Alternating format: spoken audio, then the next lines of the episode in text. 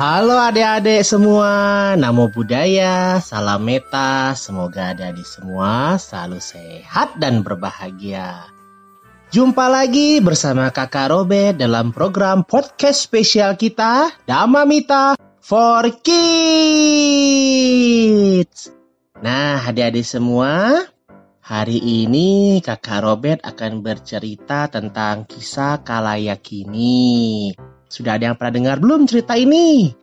Kalau belum pernah dengar, ayo semuanya kita duduk yang manis. Siap-siap mendengarkan cerita tentang kisah Kalayakini. Dahulu kala ada sepasang suami istri yang sudah lama menikah namun tidak memiliki anak. Sang istri sangat khawatir karena di zaman itu, seorang wanita yang tidak dapat melahirkan keturunan tidaklah dihargai. Karena takut dipisahkan dari suaminya, ia menyarankan suaminya untuk menikah lagi dengan wanita yang ia pilih sendiri. Suaminya pun setuju dengan pilihan istrinya. Tak lama kemudian, istri muda itu pun mengandung. Ketika istri pertama mengetahui bahwa wanita yang ia pilih untuk menikahi suaminya telah mengandung, kecemburuan dan ketidaksenangan menguasai pikirannya. Sedemikian marahnya muncullah pikiran jahat untuk mencelakai wanita itu.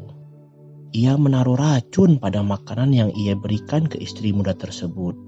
Dan hal ini mengakibatkan kandungan istri muda tersebut mengalami keguguran. Kejadian ini juga terjadi pada kehamilan kedua. Pada kehamilan ketiga, istri muda tersebut pun merasa curiga dan tidak memberitahukan mengenai kehamilannya kepada istri tua. Tapi tidaklah mungkin untuk menyembunyikan kehamilan karena tentu saja perut istri muda akan terus membesar dan akhirnya kehamilannya pun diketahui oleh istri tua. Berbagai cara digunakan untuk menggugurkan kandungan istri muda sedemikian rupa sehingga bukan hanya istri muda tersebut mengalami keguguran, tapi ia sendiri pun meninggal saat persalinan. Sebelum meninggal, wanita malang itu dengan penuh kebencian di hatinya bersumpah untuk membalas dendam kepada istri tua. Sampai kapan pun dan di mana pun akan kubalas perbuatanmu. Dan demikianlah permusuhan itu pun dimulai. Pada kelahiran berikutnya, istri tua dan istri muda terlahir sebagai seekor ayam betina dan seekor kucing. Kucing ini terus-menerus memakan telur yang dilahirkan oleh ayam betina itu. Kemudian, setelah kehidupan tersebut, mereka terlahir sebagai seekor macan tutul dan seekor rusa betina. Dan macan tutul tersebut memangsa semua anak rusa yang dilahirkan oleh rusa betina itu. Nah, permusuhan ini terus-menerus menghasilkan kelahiran-kelahiran di mana mereka saling memangsa anak-anak atau telur yang dilahirkan oleh musuhnya. Pada zaman Buddha Gautama, mereka terlahir sebagai seorang wanita di kota Sawati dan seorang peri yang bernama Kali. Peri dalam bahasa Pali disebut sebagai Yakini, sehingga ia disebut sebagai Kali Yakini. Pada suatu ketika, sang kali yakini terlihat sedang mengejar wanita tersebut yang menggendong bayinya. Ketika wanita itu mengetahui bahwa Buddha sedang membabarkan dhamma di wihara Jitawana, ia pun segera berlari ke sana dan meletakkan bayinya di kaki sang Buddha sambil memohon perlindungan. Kali yakini tertahan di pintu masuk wihara karena tidak diperkenankan masuk oleh dewa penjaga pintu. Namun akhirnya ia diperkenankan masuk oleh Buddha.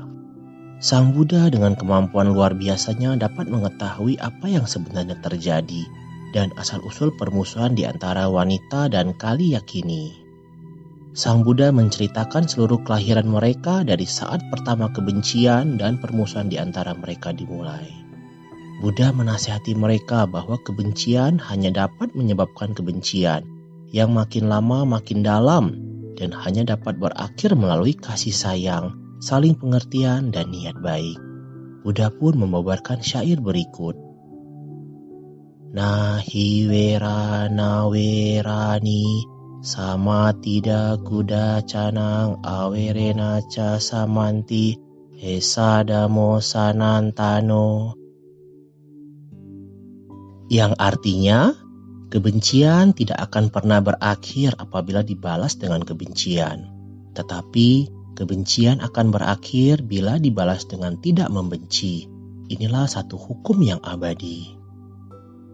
Nah, adik-adik semua, setelah mendengarkan nasihat dari Sang Buddha, wanita dan kali yakini ini pun akhirnya tersadar dari kesalahan mereka. Keduanya pun berdamai dan permusuhan yang telah lama berlangsung pun berakhir. Buddha kemudian meminta wanita itu untuk menyerahkan anaknya untuk digendong kali yakini. Takut akan keselamatan anaknya, wanita itu pun ragu-ragu. Tapi karena keyakinannya yang sangat kuat terhadap sang Buddha, ia pun menurutinya dan menyerahkan anaknya kepada peri. Kali yakini menerima anaknya dengan hangat. Ia mencium dan membelai anak tersebut dengan penuh kasih sayang, bagaikan anaknya sendiri.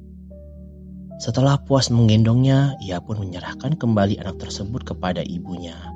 Demikianlah, pada akhirnya mereka berdua hidup rukun dan saling mengasihi. Nah, demikianlah adik-adik cerita Kak Robert hari ini. Ingat ya, Jangan pernah menaruh dendam karena seperti yang Buddha ajarkan, kebencian tidak akan berakhir jika dibalas kebencian. Dan ingatlah selalu untuk belajar memiliki kasih sayang kepada semua makhluk, karena semua makhluk pasti ingin berbahagia juga. Nah, adik semua, untuk episode yang akan datang, Kakak Robert akan bercerita tentang Bante Cakupala yang pada kehidupan lampaunya terlahir sebagai seorang tabib yang hebat sekali tapi karena kemarahannya ia menyebabkan kebutaan pada pasiennya. Ini pelajaran juga agar kita tidak memelihara kebencian dan kemarahan ya. Nah adik-adik sampai ketemu ya di episode selanjutnya. Bye-bye, sampai jumpa. Namo Buddhaya.